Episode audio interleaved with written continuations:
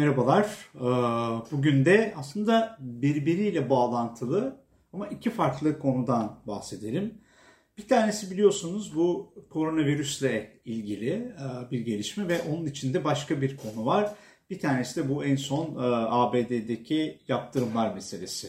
Biliyorsunuz koronavirüs konusunda ne yazık ki işte hep söylüyoruz en başından beri yapılması gereken bir türlü yapılamıyor. O da işte Türkiye'nin artık bir seferlik en az herhalde 28 günlük geldiğimiz aşamada bir kapanması. Nitekim gerçekten rakamlar e, yani çok ağırlaşıyor. Hem ağır hasta sayısı hem vaka sayısı hem de vefat eden vatandaşlarımızın sayıları. Üstelik bir de hani bu resmi açıklamalarda bile bir durum e, gerçekten çok kötü görünüyor. E, şu anda işte ölçtüğümüz günlerde bir bir açık hep peyderpey açıklanıyor. Bir tanesi de işte 31 Aralık'ta gireceğiz. 4 Aralık 4 Ocak'a kadar evden çıkmayacağız. Yani 4 günlük bir kapanma e, şeyi var. Oysa mesela bize kıskandığı söylenen e, Almanya e, neredeyse 25 günlük bir kapanma şey yapıyor, başlayacak çarşamba gününden itibaren. Ve dahası Almanya bu süre içinde vatandaşlarına, esnafa, vatandaşlara, işleri sahiplerine 11 milyar euroluk da bir destek paketi açıkladı. Peki bizde ne oldu? Bizde geçtiğimiz günlerde Sayın Cumhurbaşkanı bir açıklama yaptı. Ve hani bu e, bir takım e, tedbirlerden bahsetti. Bu tedbirlerden bir tanesi de sadece maddi destek açısından e, esnafa büyük şehirlerde 3 ay boyunca 750 liralık kira yardımı, diğer illerde 500 liralık kira yardımı, bir de işte e, bir buçuk milyon kişi sanıyorum e, biner liralık hibe. Bu kadar. Yani düşünün hani İstanbul'da İstiklal Caddesi'nde ya da işte atıyorum herhangi bir ara sokakta bile en küçük bir dükkanın bile herhalde kirası 1000 liradan 1500 liradan aşağı değildir. Hani bir alışveriş merkezine girdiğiniz zaman kiralar hem dolarla gerçi bir kısmı hala e, şey TL'ye endekslendi ama herhalde bir 10 bin 20 bin liradan aşağı değildir ama işte 750 lira bir de 1000 liralık hibe. Şimdi diğer taraftan da tabii e, hani bu kıyaslamak için söylüyorum. Ben bir taraftan da işte Almanya 11 milyar euro e, vatandaşlarına destek paketi açıklıyor. Bu 25 günlük kapanma süresi içinde. E, diğer taraftan siyasi iktidar işte bütün bu süreçte dedik işte bir vergi yapılandırması için işte bu yıl sonuna kadar başvuru şey yaptı ve orada da e, orada da bir karışıklıklar var. Çünkü bana gelen şikayetlerde bana gelen ya böyle böyle sorunlar var dediğimiz noktada gerçekten orada da hala bir belirsizlik var. Yani gerçekten getirilen bu yeniden yapılandırma her türlü borçlar için ana paranın yeniden yapılandırılması mı yoksa ana para artı faizin yeniden yapılandırılması mı? Çünkü geçtiğimiz yıllarda ya da geçtiğimiz dönemlerdeki daha çok yapılandırmalar hep aslında bir biçimde faizin silinip ana paranın taksitlere bölünmesiydi. Fakat şimdi e, anladığımız kadarıyla herhalde peşin ödediğimiz zaman faizin ana para faizin dışında faizin %90'ı siliniyor. Trafik cezalarında %25'i siliniyor. Fakat diyelim ki bir borcu siz 18 ay yapılandırdığınız zaman ee, ana para artı faiz 18 ay yapılandırılmış oluyor. Yani diyelim ki bir tane hatta bir e, arkadaşımız bize 415 liralık bir e, trafik şeyi varmış. O 2367 lira olmuş faiziyle birlikte ve bu rakam üzerinden 18 ay e, taksitlendiriliyor. Eğer onu biraz daha farklı işte 6 aya falan indirirse bu rakam 1067'ye düşüyor. Yani gördüğünüz gibi aslında bu yapılandırmanın da e, ana paranın değil ana para artı faizin yapılandırılması olarak gözüküyor. Yani burada da bir kafa karışıklığı söz konusu olduğunu hemen ifade et, etmek gerekiyor. Çünkü yani gerçekten bir taraftan da şey yani bir hem böyle bir kafa karışıklığı var. Böyle bir netlik net olmayan durumlar var. Diğer taraftan da bir sorun da şu yani insanlar bu mevcut koşullarda bunları nasıl ödeyecekler? Diyelim ki 18 ay yapılandırdılar. Nasıl ödeyecekler? Şimdi biliyorsunuz bu işte ilk pandemi e, süresi başladığı zaman e, ilk açıklanan paket bir işver, iş, işveren, işverenlere ya da vatandaşlara yönelik bir e, kredi paketiydi. Yani ucuz kredi, işte ev alabilirsiniz, uçuş uçak biletlerine indirim gelmişti, işte vesaire falan. Yani bir tüketime yönelik yine insanları borçlandırmaya yönelik bir şey. Nitekim 3. çeyrekteki bu 6.7'lik büyüme hani bu kredilerle e, sağlanan büyümeydi. E, fakat şimdi onların borçlarının e, geçen ay ve bu aydan itibaren geri ödemesi başlıyor. E şimdi hani pandeminin etkisi azalmadı, tersine arttı. Şimdi bu insanlar gene işte hani iş yok, güç yok. Şu anda gene yasak var. E bu insanlar bu borçlarını nasıl ödeyecekler? Yani 6 ay önce aldıkları kredilerinin borçlarını. E şimdi de aynı şekilde şimdi yeniden yapılandırma meselesi. O yüzden e, arkadaşlarım hatta bunları söyleyenler ya biz vergi dairesine gittik ama vergi daireleri de bomboş. E yok bomboş olur çünkü zaten insanların hani bu borçları ödemeye de durumları yok. Yani bırakın ana, ana parayı ana para artı faizi de ödeyebilecek durumları yok. Zaten ödeyebilseler de ana parayı ödeyip bir şekilde hani bu e, aftan diyelim yararlanırlardı ama o imkan da yok. Dolayısıyla da aslında hani bir şekilde sürekli bir bürokrasi üreterek, sürekli böyle bir sanki bir şeyler yapıyormuş gibi görünerek ama hiçbir şey yapmama hali. Bu, bu tıpkı aslında koronavirüs meselesinde de ne yazık ki böyle görünüyor. Yani dolayısıyla hani bir şeyler yapılıyormuş gibi görünüyor.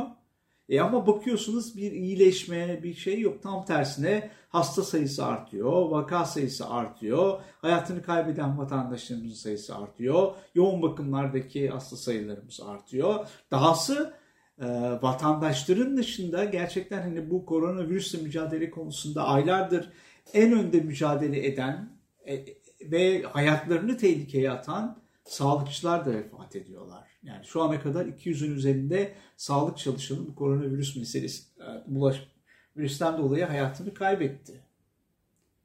E, hala meslek hastalığı sayılmıyor.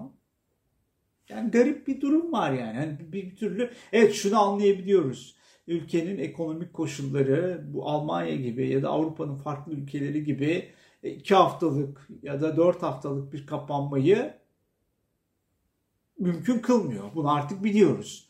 Ki hani şu anda da e, aslında hayata, gündelik hayata katılanların çoğunluğu neredeyse sadece çalışanlar, neredeyse sadece işçiler. E, biliyorsunuz geçtiğimiz günlerde hani bu top başkanının attığı tweetten de biliyoruz. Yani izolasyon günü e, bir temaslı hastaya bulaşmış birinin izolasyon günü işte 10 günden şey 15 günden 10 güne indirildi hatta 8. günde de işe gidilebilir.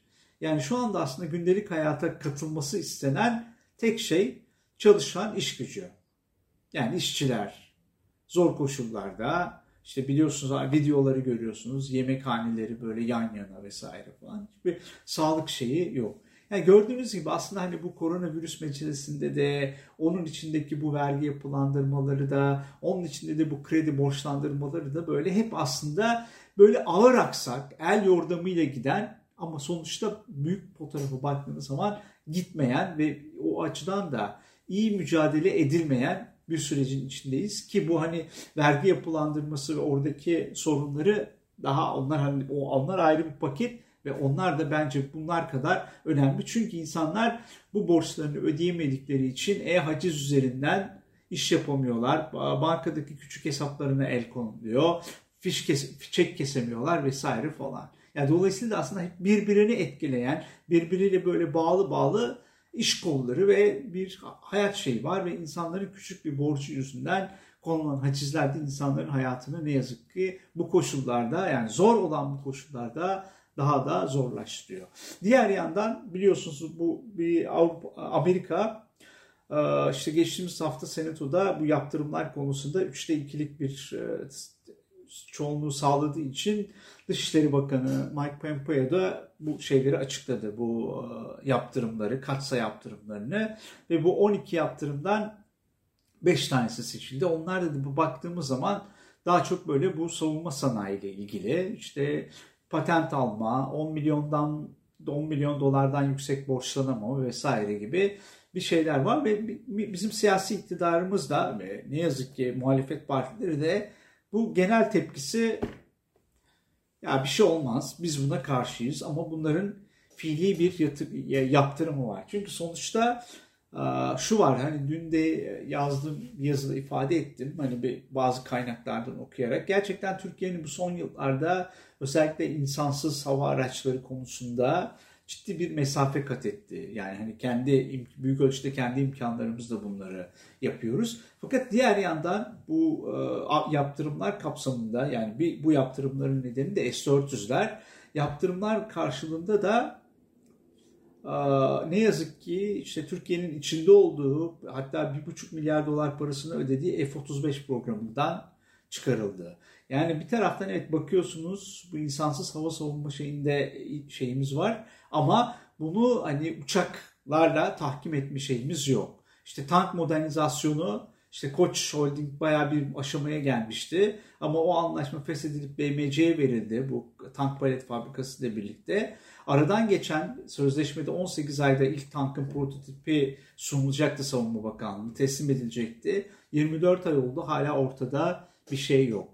E, savaş uçağı meselesinde de hani İngiltere ile bir anlaşma yapıldı bir şey onun ne zaman olacağı belli değil. Yani dolayısıyla da gördüğümüz gibi yani siyasi iktidar her ne kadar bu e, yaptırımlar bizi çok etkilemez dese de gerçekten Türkiye'nin savunma sanayi konusunda büyük bir e, zaaf oluşuyor.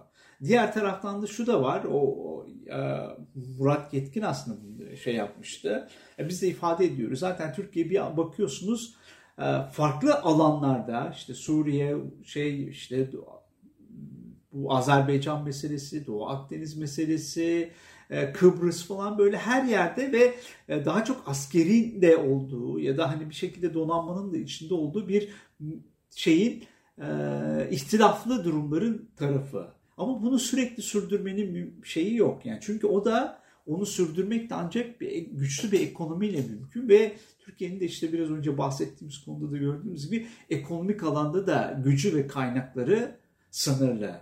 O yüzden hani bakıyorsunuz şimdi e, S-400'ler bu yaptırımların neden olduğu. E ne oldu şimdi S-400'ler alındı bir kere test edildi. E peki S-400'ü aldık domates hala ithal edemiyoruz. Hala bizden sebze almıyorlar. Yani bakıyorsunuz aslında hani bu ilişkilerde de birbirini kompanse eden, birbirini dengeleyen bir durum da yok yani. yani Türkiye Rusya ile yaklaşıyor. E ama hani bunun karşılığı ne? Tamam biz onlardan S-400 aldık ama onlar bizden hala domates almıyor. Sebze almıyor.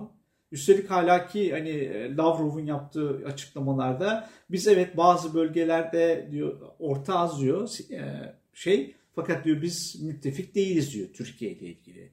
E diğer taraftan şu gerçek de var da gerçekten bu Amerika'da alınan bu kararlar biraz daha hükümetin de aslında içeride ya bakın işte gördünüz mü bizi kıskanıyorlar.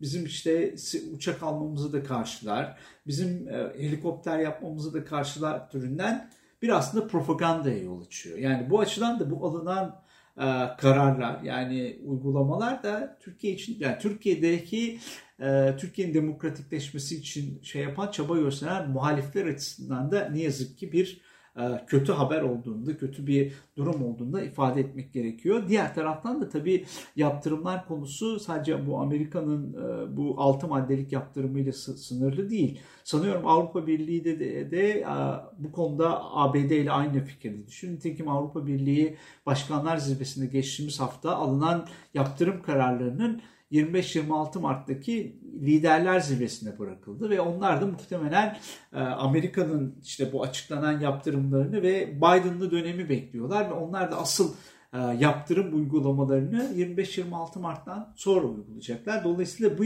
yaptırımlar da ne yazık ki bizi e, biraz daha içeride sıkıştırıyor. Siyasi iktidarın böyle biraz daha milliyetçi, biraz daha böyle yani muhafazakar tonunu derinleştiriyor. Bu da dediğim gibi gerçekten bizim işimizi bu açıdan yani muhaliflerin işini zorlaştırıyor. O açıdan da bakın bu açmazı nasıl aşacağız ama bu açmazı herhalde yine tabii ki siyasetle açacağız. Çünkü başka seçeneğimiz, başka şeyimiz yok ve bu konuda da aslında gerçekten muhalefet de bir taraftan üzerine düşeni yapıyor ama hep söylüyoruz bu mesele dış politik olduğu zaman biraz orada da ne yazık ki siyasi iktidarın yanında durmayı bazı konularda durmak zorunda kalıyor. Bu da aslında siyaseten muhalefet açısından büyük bir açmaz olduğunu ifade edelim ve yayını burada bitirelim. Görüşmek dileğiyle. Müzik